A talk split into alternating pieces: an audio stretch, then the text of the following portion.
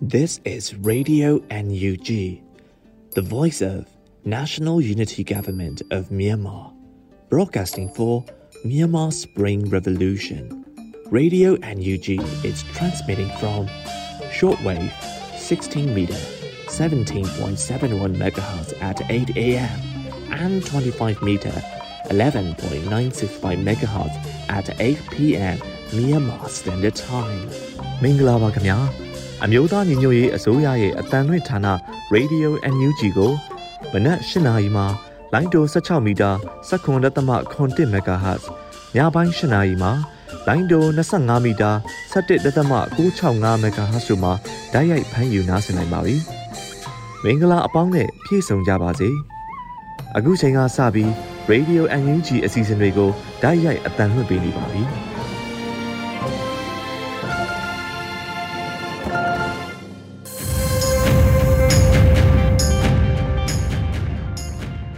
မြန်မာနိုင်ငံသူနိုင်ငံသားအပေါင်းတဘာဝပြီးစစ်အာဏာရှင်ဘေးတို့ကနေကင်းဝေးပြီးကိုစိတ်နှပါကြမ်းမှလုံခြုံကြပါစေလို့ Radio NUT အဖွဲ့သားများကဆုတောင်းမေတ္တာပို့သလိုက်ရပါတယ်ရှင်။သောတာရှင်များရှင်မကြခင်2021ကုံဆုံးလို့2022နှစ်သက်ကူအခါသမယကို ရောက်ရှိတော်မှာဖြစ်ပါတယ်။ကျမတို့အမျိုးသားညီညွတ်ရေးအစိုးရပြည်ထောင်စုဝန်ကြီးများမှသောတာရှင်ပြည်သူများအတွက် အခုလိုနှစ်သက်ကူးနှုတ်ခွန်းဆက်မင်္ဂလာစကားများကိုစူးစီးထုတ်လွှင့်ပေးမှာဖြစ်ပါတယ်ရှင်။လူအခွင့်အရေးဆိုင်ရာဝန်ကြီးဌာနပြည်ထောင်စုဝန်ကြီးဦးအောင်မျိုးမင်းရဲ့နှစ်သက်ကူးနှုတ်ခွန်းဆက်စကားကိုပထမဆုံးအနေနဲ့နားဆင်ရမှာဖြစ်ပါတယ်ရှင်။2021ခုနှစ်ကိုပြန်လည်ကြည့်မယ်ဆိုရင်တော့စိတ်မကောင်းစရာဝမ်းနည်းစရာကြေကွဲမှုတွေနဲ့ကြည့်နေတဲ့နှစ်ဟောင်းတစ်ခုဖြစ်ပါလိမ့်မယ်။မြမပြည်သူလူထုအနေနဲ့ တကယ့်ကိုစိုးဝါလာတဲ့စစ်အာဏာရှင်ရဲ့ရက်စက်မှုတွေကိုခါတိစွာခံစားခဲ့ရတဲ့နှစ်တွေဖြစ်ပါတယ်။ကြေကွဲစရာဝမ်းနည်းစရာနဲ့ပြည်နေတယ်တစ်ဖက်မှာပြန်ကြည့်မယ်ဆိုလို့ရှိရင်လည်းမြမပြည်သူလူထုရဲ့ကြံ့ကြံ့ခံနိုင်မှုလူ့ခွင့်နဲ့ဒီမိုကရေစီအတွက်တိုက်ပွဲဝင်လို့တဲ့စိတ်ဓာတ်ကျင်းပြတဲ့လုံးလာတွေကိုဂုံယူအားကြစရာပြန်လည်တွေ့ရတဲ့နေ့လည်းဖြစ်ပါလိမ့်မယ်။ဒါကြောင့်မလို့လာမယ့် 2022ခုနှစ်အတွင်းမှာပြီးခဲ့တဲ့အတိတ်ကစိုးဝါလာတဲ့ရာဇဝတ်မှုတွေကိုတရားမျှတမှုနဲ့အစားထိုးဖို့အတွက်ဆက်လက်တိုက်ပွဲဝင်မှုလိုအပ်ပါတယ်။ဂုံယူစရာဖြစ်တဲ့ပြည်သူလူထုရဲ့ပြင်းပြတဲ့စန္ဒနဲ့ငွေကူးတော်နိုင်စိတ်တက်ကို2022ခုနှစ်မှာဆက်လက်ပြီးတော့အောင်ဝဲရတဲ့ကြီးဆက်လက်တည်ဆောင်သွားဖို့အတွက်ဒီတဲ့ပုံမှုပြီးတော့တိုးတက်ဖို့အတွက်စီစီလုံးလုံးနဲ့ကျွန်တော်တယောက်ကိုတယောက် ပူးပေါင်းဆောင်ရွက်မှုနဲ့လှုပ်ဆောင်သွားရင်းနဲ့အောင်ပွဲရတဲ့ကြီးဆောင်ကျင်းသွားကြပါဆိုလို့တိုက်တွန်းလိုပါတယ်အရေးတော်ပုံအောင်ရမည်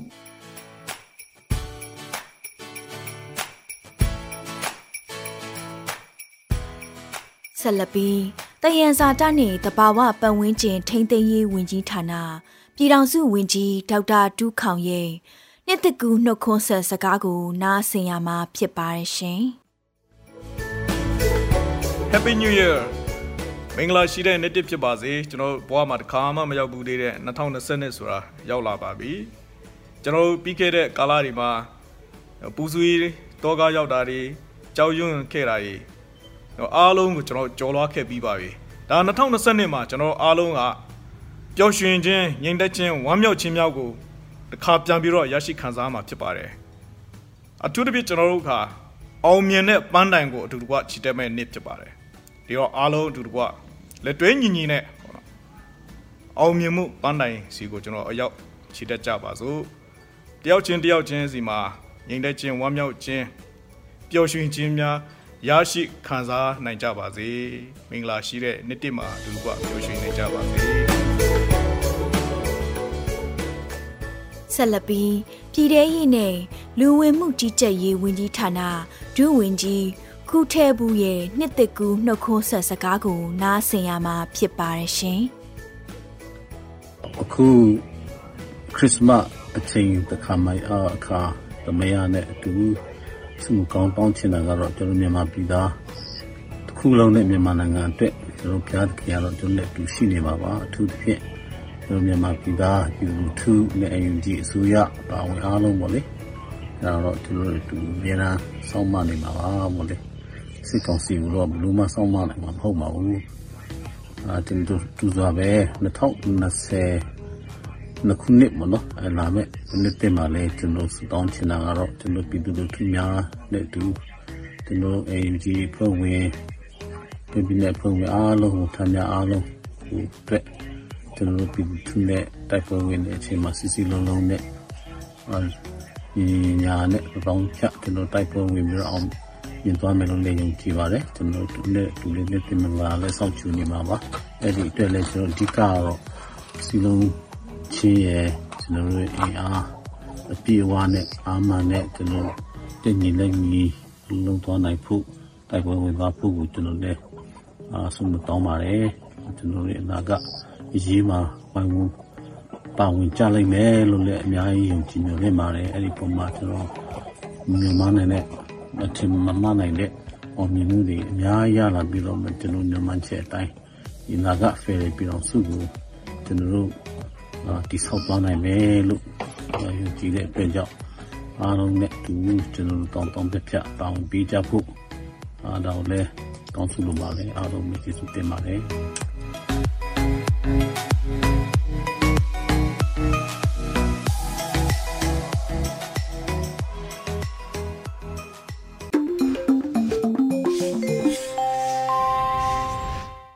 အခုချိန်မှစပြီးကာကွယ်ဝိညာဉ်ဌာနမှထုတ်ဝေသောစစ်ရေးတရေအကျဉ်းချုပ်ကိုတင်ဆက်ပေးသွားမှာဖြစ်ပါတယ်ရှင်။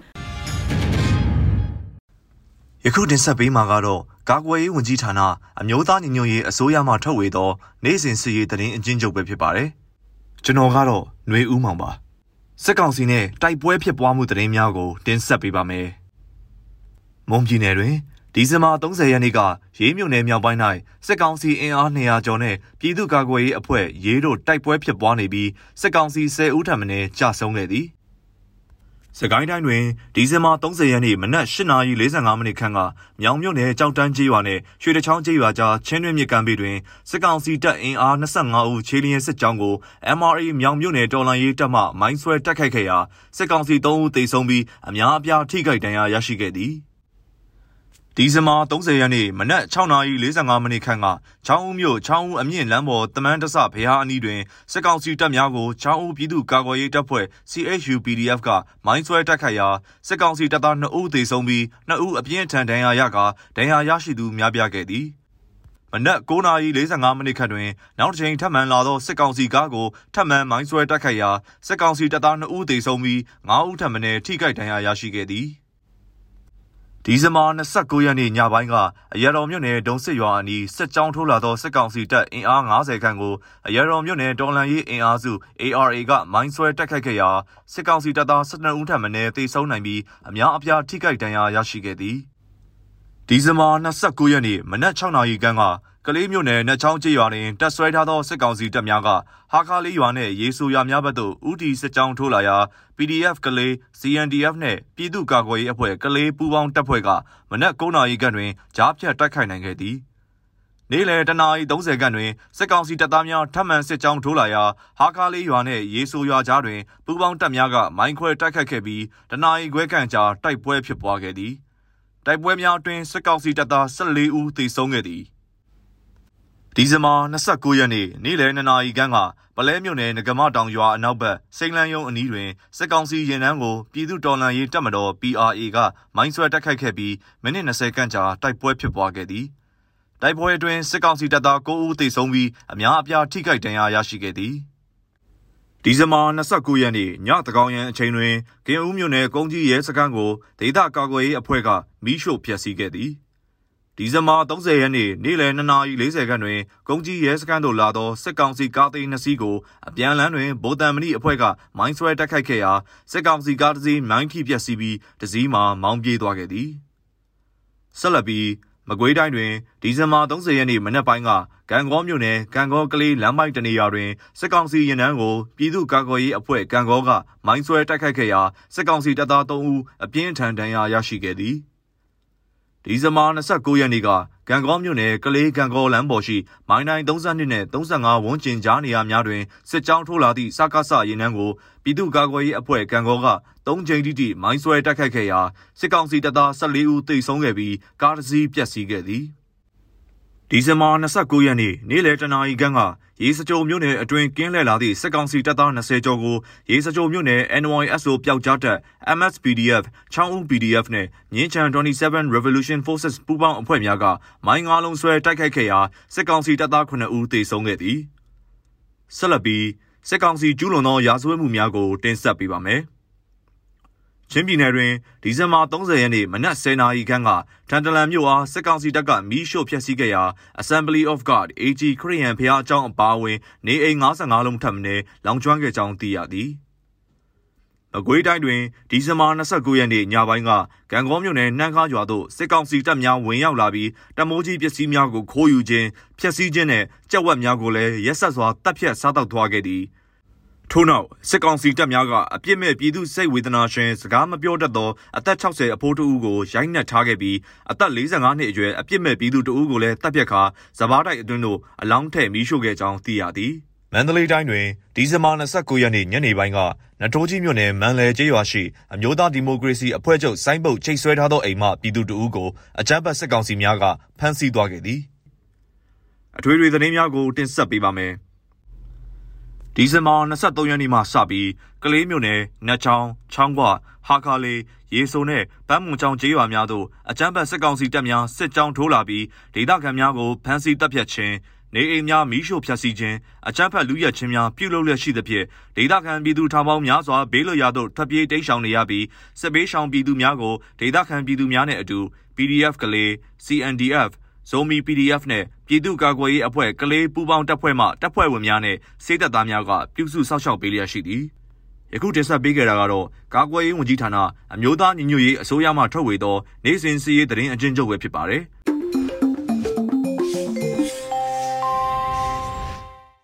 ရေဒီယို NUG မှာဆက်လက်အသံလွှင့်နေပါတယ်။အခုဆက်လက်ပြီးနောက်ဆုံးရပြည်တွင်းသတင်းများကိုຫນွေဦးမိုင်မှတင်ဆက်ပေးမှာဖြစ်ပါတယ်ရှင်။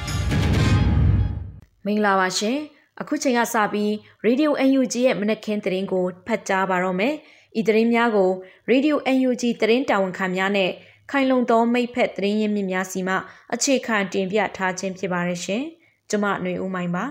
ပထမဆုံးအနေနဲ့အာနာသိန်းစစ်ကောင်စီကိုအပြတ်တိုက်ဖို့အချိန်ရောက်ပြီလို့ KNU ကရင်အမျိုးသားအစည်းအရုံးနိုင်ငံခြားရေးဌာနမှပရိုစောတော်နီကပြောကြားလိုက်ပါတယ်။ငင်းချရေးမြို့တက်လို့တင်စားထားတဲ့ မြဝတီမြို့တောင်ဘက်6မိုင်အကွာကလေးကေကောမှာရက်ဆက်တိုက်ပွဲတွေဖြစ်ပွားနေတော့မှာပဲအာနာသိန်းအုပ်စုရဲ့ဖမ်းဆီးတပ်ဖြတ်မှုဘေးရန်ကိုရှောင်တိန်မိကိုနေတဲ့ဒီမိုကရေစီလူလားသူတွေကိုစစ်ကောင်စီကနေမြေကျိုးကျော်ဖမ်းဆီးရက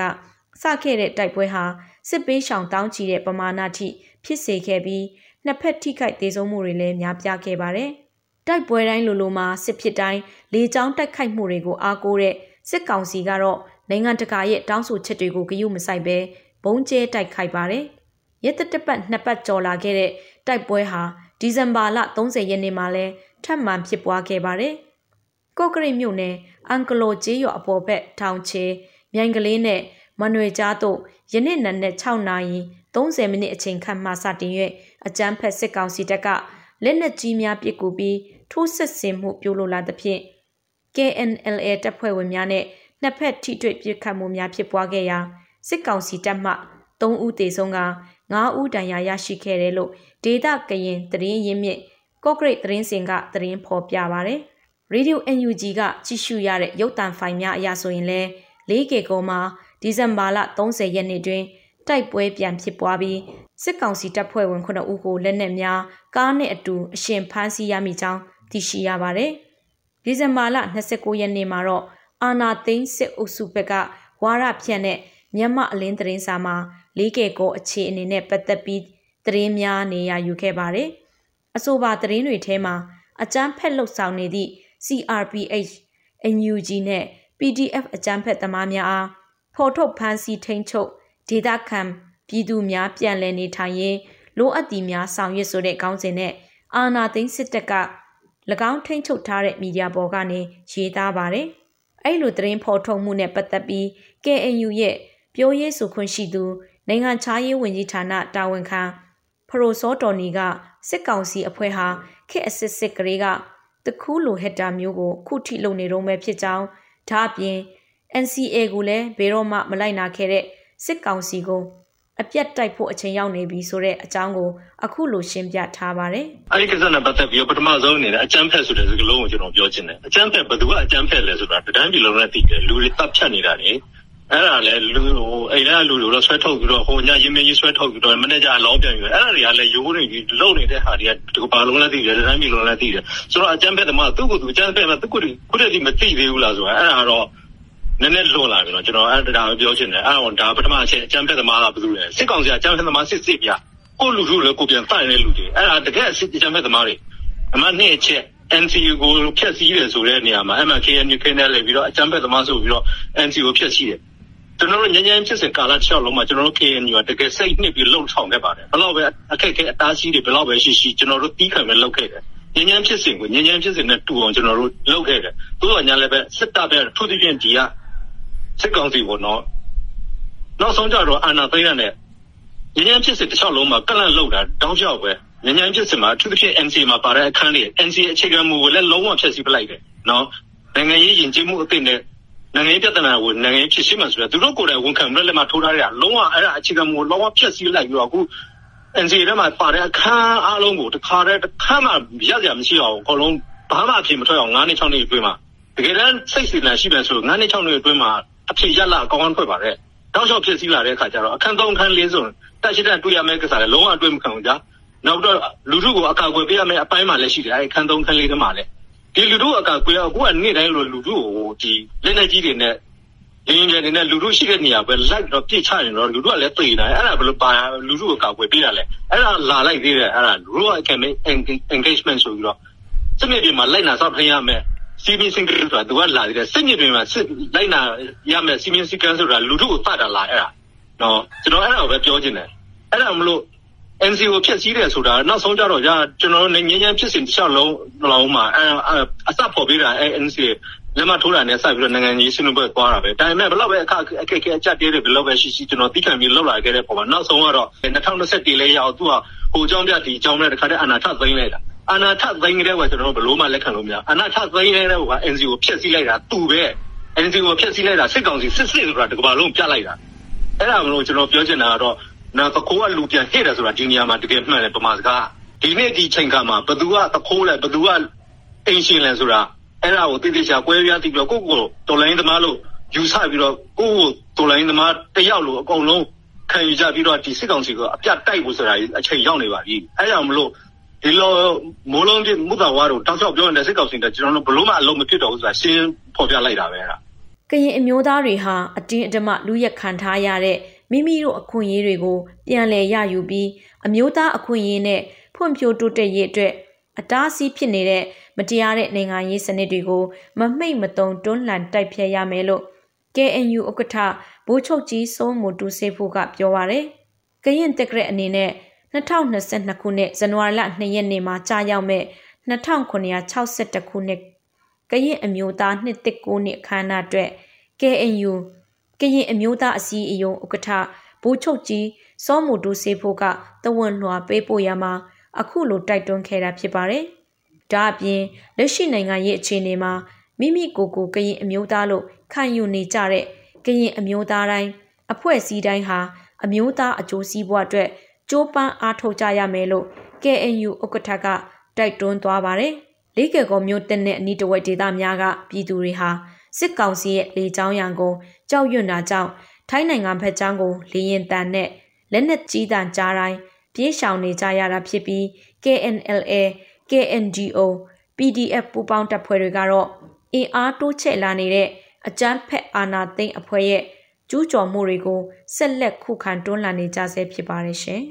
။နောက်ဆုံးတပုတ်အနေနဲ့အာနာသိန်းစစ်ကောင်စီလက်အောက်ခံအုပ်ကြီးများကလောင်းကစားဝိုင်းများဖွင့်ကစစ်ကောင်စီအတွက်ငွေရှာပေးနေကြပါတယ်။အီယာဝရီတိုင်းညောင်တုံးမြို့နယ်တွင်ရှိကျေးရွာအချို့မှာတော့စစ်ကောင်စီခန့်အုပ်ချုပ်ရေးမှုနဲ့ရာအိမ်မိုးအချို့ဟာလောင်းကစားဝိုင်းများလောက်ကစစ်ကောင်စီတပ်ဖွဲ့ဝင်များကိုရန်ပုံငွေရှာပေးနေရတယ်လို့ဒေသခံများကပြောပါရယ် စစ်ကောင်စီရဲ့အထိုင်တပ်နဲ့နယ်မြေရဲစခန်းများကတပ်ဖွဲ့ဝင်များအတွက်ရန်ပုံငွေရှာပေးရန်ဖိအားပေးမှုကြောင့်ဒေသဖွံ့ဖြိုးရေးရန်ပုံငွေခေါင်းစဉ်ဖြင့်လောင်းကစားပွဲများလှုပ်လာရတာဖြစ်ပါတယ်။အခုလိုလုပ်နေရတာဟာအကောက်ကောက်ပြီးငွေစုနေရခြင်းဖြစ်တယ်လို့အုပ်ချုပ်ရေးအဖွဲ့နဲ့နီးစပ်သူချို့ကပြောပါတယ်။အထိုင်တက်တဲ့နေမြေရဲစခန်းကိုတပတ်9သိန်းပေးရတယ်။နေထိန်စရဖစစ်ဖက်ရေးရာလုံခြုံရေးတပ်ဖွဲ့ SB ရဲအထူးတရင်တပ်ဖွဲ့ဒနဒုစရိုက်နေနေရဲ့တပ်ဖွဲ့စတာတွေကိုလည်းပေးရတယ်လို့အုပ်ချုပ်ရေးအဖွဲ့နဲ့နီးစပ်သူတို့ကပြောပါတယ်။ညောင်တုံးမြို့နယ်ရှိစာမလောက်ကလကုံတာဝ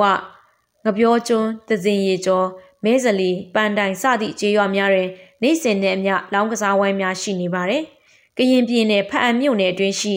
အိမ်တဲတိုက်နယ်အုပ်ချုပ်ရေးမှူးရုံးအတွင်းမှာလည်းဇက်ပွဲများကိုမကြာခဏသွင်းက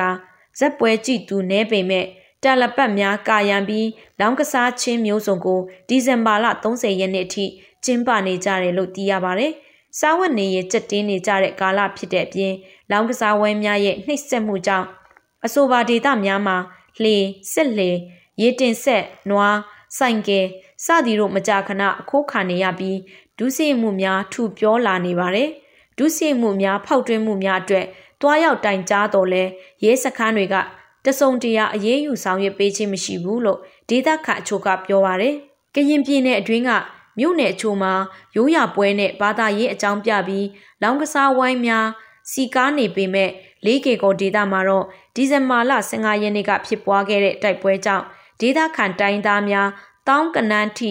စစ်ဘေးဒုက္ခတွေဖြစ်ခဲ့ရပါတယ်။စစ်ကောင်စီနဲ့အဖွဲ့ကတော့ပြည်သူတွေကိုလောင်းကစားများဇက်ပွဲများဖြင့် နိုင်ငံရေးစုံလုံးကန်းစီရန်ကြိုးပမ်းတဲ့အနေနဲ့အခုလိုဇက်ပွဲများအာဝါရေးပွဲများဖြင့်နစ်မြုပ်နေစေတဲ့အပြင်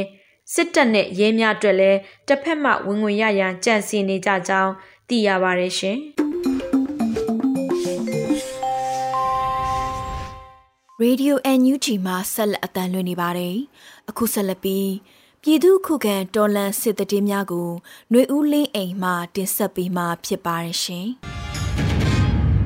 ပထမဆုံးအနေနဲ့အရတော်ဒုံတေးကျေးရွာအနီးစစ်ကောင်စီတပ်ဖွဲ့ဝင်များမိုင်းဆွဲတိုက်ခိုက်ခံရကစစ်သား12ဦးသေဆုံးနိုင်ပြီး20ဦးထက်မနည်းဒဏ်ရာရတဲ့တဲ့ရင်ကိုတင်ဆက်ပေးမှာပါ။ အရတော်အရှိနဲ့ဒုံထစ်ကျေးရွာအနီးမှာခြေလင်းစစ်ကြောင်းထိုးလာတဲ့အကြမ်းဖက်စစ်ကောင်စီတပ်ဖွဲ့အင်အား90ခန့်ကိုအရတော်မြို့နယ်တော်လှန်ရေးအင်အားစု ARA ကဒီဇင်ဘာလ29ရက်ညပိုင်းမှာမိုင်းဆွဲတိုက်ခိုက်ခဲ့ရာစစ်သား12ဦးခန့်သေဆုံးနိုင်ပြီး20ဦးထက်မနည်းဒဏ်ရာရကြောင်း ARA ကသတင်းထုတ်ပြန်ခဲ့ပါတယ်။မိုင်းဝင်းတက်တဲ့ရောက်လာတဲ့အကြမ်းဖက်စစ်ကောင်စီတပ်မှစစ်သား12ဦးမှတေဆုံးနိုင်ပြီးတပ်သား20ဦးထက်မနည်းဒဏ်ရာရရှိကြောင်း ARA ကဆိုပါတယ်။ အဆိုပါတိုက်ခိုက်မှုကိုအရတော်မြို့နယ်တော်လန်ရေးအင်အားစု ARA ဗိုလ်ရောင်နေနဲ့ဗိုလ်ရက်ခတို့ဦးဆောင်တဲ့ဂျင်းဆက်ညီနောင်များတပ်ဖွဲ့ကပြုလုပ်ခဲ့ပြီးတော်လန်ရေးရဲဘော်များအကြဆုံးမရှိပြန်လည်ဆုတ်ခွာနိုင်ခဲ့ကြောင်းသိရှိရပါတယ်။ဆက်လက်ပြီးဒေသကာကွယ်ရေးတပ်ဖွဲ့များကဤပညာသုံးဘုံကျဲတိုက်ခိုက်မှုကြောင့်အကြမ်းဖက်စစ်သားတွေတိစုံတဲ့တဲ့တင်ကိုတင်ဆက်ပေးမှာပါ။ စကိုင်းတိုင်းပလဲမြို့နယ်အတွင်းကအောင်ဆန်းတပ်ဖွဲ့ MPDF အဖွဲ့နဲ့မဟာမိတ်ပုံတောင်တိုက်ကအဖွဲ့တို့ပူးပေါင်းပြီးမနေ့ကနီးပညာအသုံးပြုပြီးလေပေါ်မှာဘုံကျဲတိုက်ခိုက်မှု9ချိန်အထိပြုလုပ်ခဲ့ရာအကြမ်းဖက်စစ်သားတွေတေဆုံးခဲ့တယ်လို့ဒေသခံကာကွယ်ရေးတပ်ကသတင်းထုတ်ပြန်ပါတယ်။သတင်းထုတ်ပြန်ချက်မှာတော့ယနေ့ဒီဇင်ဘာ29ရက်9:05မိနစ်အချိန်မှာတစ်ချိန် နနက်7:22မိနစ်နဲ့မွန်းလွဲ12:38မိနစ်တွေမှာကန်တောင်းအနောက်ဘက်ကိုထွက်လာတဲ့အင်အား90ခန်းရှိတဲ့စစ်ခွေးတွေစခန်းချရာစိမ့်ဆိုရုံမှာနှစ်ကြိမ်မွန်လွဲ2:32မိနစ်နဲ့ညနေ6:50မိနစ်50တွေမှာဂန်းငေါ်ကနေပလဲကိုဆင်းလာတဲ့စစ်ခွေးရင်နှန်းခိတရက်နာယာငကမတောင်ခွေမှာနှစ်ကြိမ်စုစုပေါင်း9ချိန်တိုက်ခိုက်မှုတွေလုပ်ခဲ့တဲ့အတွက်စစ်ခွေးအများအပြားထိခိုက်ကြဆုံးနိုင်တယ်လို့အောင်ဆန်းတပ်ဖွဲ့ MPDF ကဖော်ပြထားပါတယ်။ ထုတ်ပြန်ချက်ထဲမှာတော့နီးပညာသုံးလေပေါ်မှာဘုံကျဲတိုက်ခိုက်မှုလိုပဲဖော်ပြထားပြီးတိတိကျကျတော့မဖော်ပြထားပါဘူး။ဒီဇင်ဘာ29ရက်မနေ့ကပဲမကွေးတိုင်းရေစကြိုမြို့နယ်၊စကိုင်းတိုင်းပလဲမြို့နယ်နဲ့မုံရွာမြို့နယ်တွေကကာကွယ်ရေးတပ်ဖွဲ့ဝင်တွေစုပေါင်းပြီးတိုက်ခိုက်ခဲ့တာကြောင့်အကြမ်းဖက်စစ်ကောင်စီတပ်က9ယောက်ထက်မနည်းသေဆုံးခဲ့တယ်လို့ဒေသကာကွယ်ရေးတပ်တွေကသတင်းထုတ်ပြန်တာပါ။ မမဟာမိတ်ညီနောင်အဖွဲ့တွေဖြစ်တဲ့ရေစကြိုမြို့နယ် NYSO ပျောက်ကြားတပ်ဖွဲ့၊မြောင် Special People's Defense Force MSPDF ၊ချောင်းဝပြည်သူ့ကာကွယ်ရေးတပ် CHU PDF နဲ့မြင်းဆန်27 Revolution Force အဖွဲ့တွေပူးပေါင်းပြီးမနေ့ကမွန်းလွဲတနာရီခန့်မှာအကြမ်းဖက်စစ်တပ်ကိုမိုင်းဆွဲတိုက်ခိုက်ခဲ့တာကြောင့်အကြမ်းဖက်စစ်တပ်က9ဦးသေဆုံးခဲ့တယ်လို့လည်းဒေသခံကာကွယ်ရေးတပ်ဖွဲ့တွေကသတင်းထုတ်ပြန်ပါတယ်။ စကိုင်းတိုင်းမုံရွာမြို့ကန်တာယာမြောက်ဘက်မှာရှိတဲ့အကြမ်းဖက်စစ်ကောင်စီတပ်တွေဝင်ရောက်စစ်ဆေးလေးရှိတဲ့ဂျားဖြတ်စစ်ဆေးရေးဂိတ်ကိုလည်းမုံရွာမြို့ပြပျောက်ကြားမုံရွာနိုင်ခင်းအဖွဲ့ကဘုံခွဲတိုက်ခိုက်မှုပြုလုပ်ခဲ့ရာအကြမ်းဖက်စစ်ကောင်စီတပ်ကနှစ်ယောက်သေဆုံးခဲ့တယ်လို့ဒေသကာကွယ်ရေးတပ်ရဲ့သတင်းထုတ်ပြန်ချက်မှာတွေ့ရပါတယ်။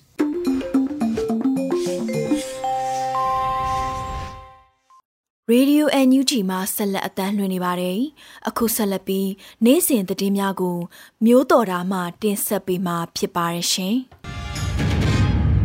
အခုပထမဆုံးတင်ဆက်ပေးခြင်းတဲ့သတင်းကတော့အမျိုးသားညီညွတ်ရေးအစိုးရယာယီသမရကြီးရဲ့နှစ်သက်ကူမိတ်ခွန်းကိုမနက်ဖြန်ည9:00နာရီမှာထုတ်လွှင့်မယ်ဆိုတဲ့သတင်းပါ။ အမျိုးသားညီညွတ်ရေးအစိုးရယာယီသမရာကြီးဒူဝလရှိလာကပြည်သူတွေကိုပြောကြားမဲ့နှစ်သက်ကူမိန့်ခွန်းကိုဒီဇင်ဘာလ31ရက်ည9:00နာရီအချိန်မှာထုတ်လွှင့်သွားမှာဖြစ်ပါတယ် ယာယီသမရာကြီးပြောကြမဲ့မိန့်ခွန်းကို Acting President Tuwala Shila Facebook နဲ့ National Unity Government of Myanmar Facebook စာမျက်နှာတွေမှာကြည့်ရှုနိုင်မှာဖြစ်တယ်လို့လည်းသိရပါတယ်။အမျိုးသားညီညွတ်ရေးအစိုးရက CTM တွေကိုဖိနှိပ်မှုပြုလုပ်နေတဲ့ Non CTM ဝန်ထမ်းအရာရှိ62ဦးကိုအမိပြတ်စရင်သွင်းပြီးရာထူးကထုတ်ပယ်လိုက်တဲ့သတင်းဖြစ်ပါတယ်။ အမျိုးသားညီညွတ်ရေးအစိုးရက CTM တွေကိုဖိနှိပ်မှုပြုလုပ်နေတဲ့လျှက်စစ်နဲ့စွမ်းအင်ဝင်ကြီးဌာနလက်အောက်က Non CTM ဝန်ထမ်းအရာရှိ62ဦးကိုလျှက်စစ်နဲ့စွမ်းအင်ဝင်ကြီးဌာနပြည်ထောင်စုဝန်ကြီးဦးစိုးသူရထွန်းအမိန့်နဲ့အမည်ပြစရင်သွင်းပြီးရာထူးကထုတ်ပယ်လိုက်တယ်လို့ထုတ်ပြန်လိုက်ပါတယ်။အမည်ပြစရင်နဲ့ရာထူးကထုတ်ပယ်ခံလိုက်ရတဲ့သူတွေဟာ CDM ဝန်ထမ်းတွေကိုဖိအားပေးတာချိန်ချောက်တာရာထူးထုတ်ပယ်တာ တရားစွဲတာပြန်ဆက်ရမလိုတော့တဲ့ချင်းငွေတွေကိုအတင်းအတ္တမပြန်လဲပေးဆောင်ခိုင်းတာအဆရှိတဲ့ဖိနှိပ်မှုအမျိုးမျိုးကိုလှုပ်ဆောင်နေတာဖြစ်တဲ့အတွက်ကြောင့်လို့သတင်းထုတ်ပြန်ချက်မှာဖော်ပြထားပါတယ်။ထုတ်ဖယ်ခံရသူတွေကတော့လက်ထောက်ညွှန်ကြားရေးမှူးတဦးဌာနခွဲမှု3ဦးအလုတ်ယုံခွဲမှု26ဦးလက်ထောက်ဆက်ယုံမှု3ဦးအလုတ်ယုံမှု28ဦးတို့ဖြစ်ပြီးစုစုပေါင်း62ဦးဖြစ်ပါတယ် အမျိုးသားညီညွတ်ရေးအစိုးရဝန်ကြီးချုပ်ရုံးအနေနဲ့လည်းအောက်တိုဘာလမှာစတင်ပြီးအမိတ်အာဏာဖီဆန်ရေးလှုပ်ရှားမှု CTM မှာပါဝင်ခဲ့ကြတဲ့ဝန်ကြီးဌာနမဖွဲ့ရသေးသောဌာနအသီးသီးမှာနိုင်ငံဝန်ထမ်းသူရဲကောင်းတွေရဲ့လူမှုဖူလုံရေးလုံခြုံဘေးကင်းရေးနဲ့ဖိအားကင်းစင်ရေးတို့အတွက်အလေးထားဆောင်ရွက်နေတယ်လို့ဆိုထားပါတယ်။ဖရူဇုံမြို့နယ်မှာအကြမ်းဖက်စစ်ကောင်စီကပြည်သူတွေကိုမိရှို့တက်ခဲ့တဲ့အပေါ်ကုလလုံခြုံရေးကောင်စီကစုံစမ်းအရေးယူဖို့လိုတယ်လို့ကြေညာချက်ထုတ်ပြန်လိုက်တဲ့သတင်းကိုတင်ဆက်ပေးခြင်းပါတယ်။ကယားပြည်နယ်ဖရူဇုံမြို့နယ်မူဆိုကျေးရွာမှာအကြမ်းဖက်စစ်ကောင်စီကပြည်သူတွေကိုမိရှို့တပ်ဖြတ်ခဲ့တဲ့အပေါ်မှာကုလသမဂ္ဂလုံခြုံရေးကောင်စီကပြည်သူတွေတတ်ခဲ့တဲ့လူသက်တရခံတွေကိုစုံစမ်းအရေးယူဖို့လိုအပ်ပြီးဆိုပြီးသတင်းထုတ်ပြန်လိုက်ပါတယ်။ မနေ့ကပြုလုပ်ခဲ့တဲ့ကုလသမဂ္ဂလုံခြုံရေးကောင်စီအစည်းအဝေးမှာပြည်သူတွေကိုမိရှို့တပ်ဖြတ်ခဲ့တဲ့တရားခံတွေကိုအရေးယူဖို့လိုအပ်တယ်ဆိုတာနဲ့အကြမ်းဖက်စစ်ကောင်စီအနေနဲ့အယက်သားပြည်သူတွေလုံခြုံရေးနဲ့လူအခွင့်အရေးကိုလေးစားလိုက်နာဖို့လိုတယ်ဆိုပြီးတော့လဲတရီပေးထုတ်ပြန်ချက်မှာဖော်ပြထားပါတယ်။ ဒီဇင်ဘာ24ရက်ကကလေးငယ်၄ဦးနဲ့အမျိုးသမီးတွေအပါအဝင်လူပေါင်း35ဦးကိုအကြမ်းဖက်စစ်ကောင်စီတပ်တွေကမိရှို့တပ်ဖြတ်ခဲ့တာပါမိရှို့တပ်ဖြတ်ခဲ့တဲ့အထဲမှာ Save the Children အဖွဲ့ရဲ့ဝန်ထမ်း2ဦးလည်းပါဝင်ခဲ့ပါတယ်အခုလိုအယက်သားတွေကိုအကြမ်းဖက်စစ်ကောင်စီတပ်တွေကမိရှို့တပ်ဖြတ်ခဲ့တဲ့အပေါ်ကုလသမဂ္ဂလုံခြုံရေးကောင်စီကပြစ်တင်ရှုတ်ချခဲ့ပါတယ်